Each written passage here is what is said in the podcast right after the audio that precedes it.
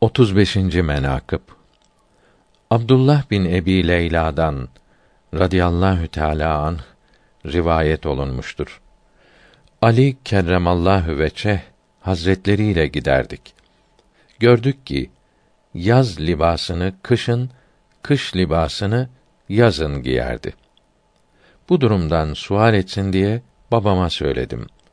Babam da sual etti. Buyurdu ki: Resulullah sallallahu teala aleyhi ve sellem Hayber günü haber göndererek beni çağırdı. Halbuki gözlerim ağrıyordu. Gittim. Dedim ya Resulallah, benim gözlerim ağrıyor. Resulullah sallallahu teala aleyhi ve sellem hazretleri ağzının suyunu benim gözlerime sürüp buyurdular ki: Ya Rabbi, soğuk ve sıcağın tesirini ondan gider. O günden beri ne göz ağrısı gördüm ve ne soğuk ne sıcak tesiri gördüm.''